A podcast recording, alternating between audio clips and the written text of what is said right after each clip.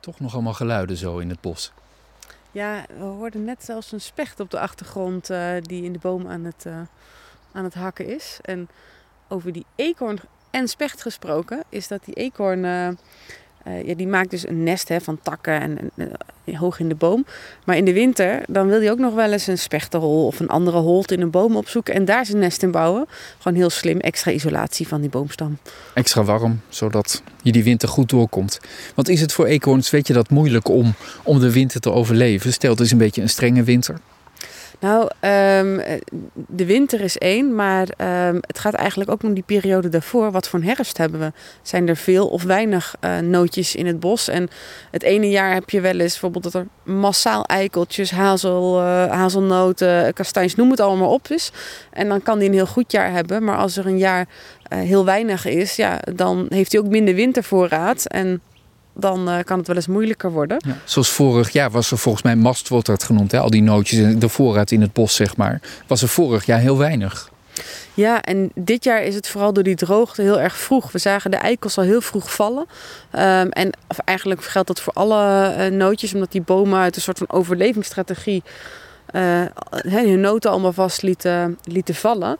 Um, en met name bijvoorbeeld bij eikels, uh, eikeltjes worden. Of, eikel, ja, als je het combineert, je ja. eikhoortjes. en een eekhoorn, uh, die wordt vaak geassocieerd met eikeltjes. En die eet hij ook wel, maar vooral als de bruine. En ook niet al te veel, want daar zit een uh, tannine zit erin. En daar kan hij niet zo heel goed tegen als hij daar te veel van eet. Dus hij is ook vooral druk met allerlei andere nootjes en en zaden. Maar ja, die moeten er dan wel zijn, voldoende voor de, voor de winter. Tannine, ik, ineens zit ik in de rode wijn nu. ja, nou, die eekhoorn misschien ook wel, maar... Zo is het. Ik, zit, ik moest naar boven kijken. Hè? Dan heb ik dat toch een hele tijd gedaan vanochtend. En dan moet ik zeggen, ik heb niks gezien. Heb jij ze wel gezien?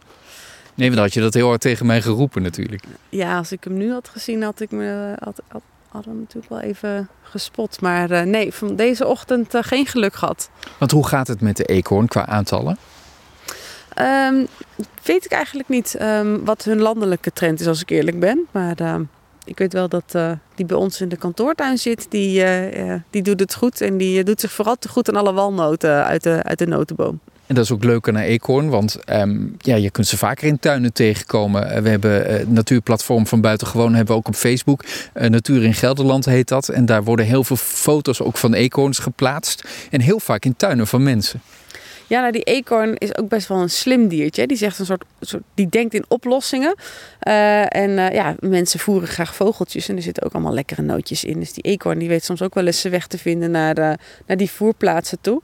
En dan zijn het echt wel slimme beestjes en ze, uh, afhankelijk van wat ze gewend zijn. Maar als ze gewend zijn om in een wat, wat drukkere omgeving te, te wonen, dus in een woonwijk, kun je ze ook zomaar tegen, tegenkomen. Dan uh, ja, daar passen ze zich wel een beetje op aan. Als er maar genoeg eten is en genoeg, uh, genoeg schuilplekken en genoeg hoge bomen. Precies, nou dan de staart maar. Hè? Want ik wil zo graag weten, het is zo'n pluizige staart.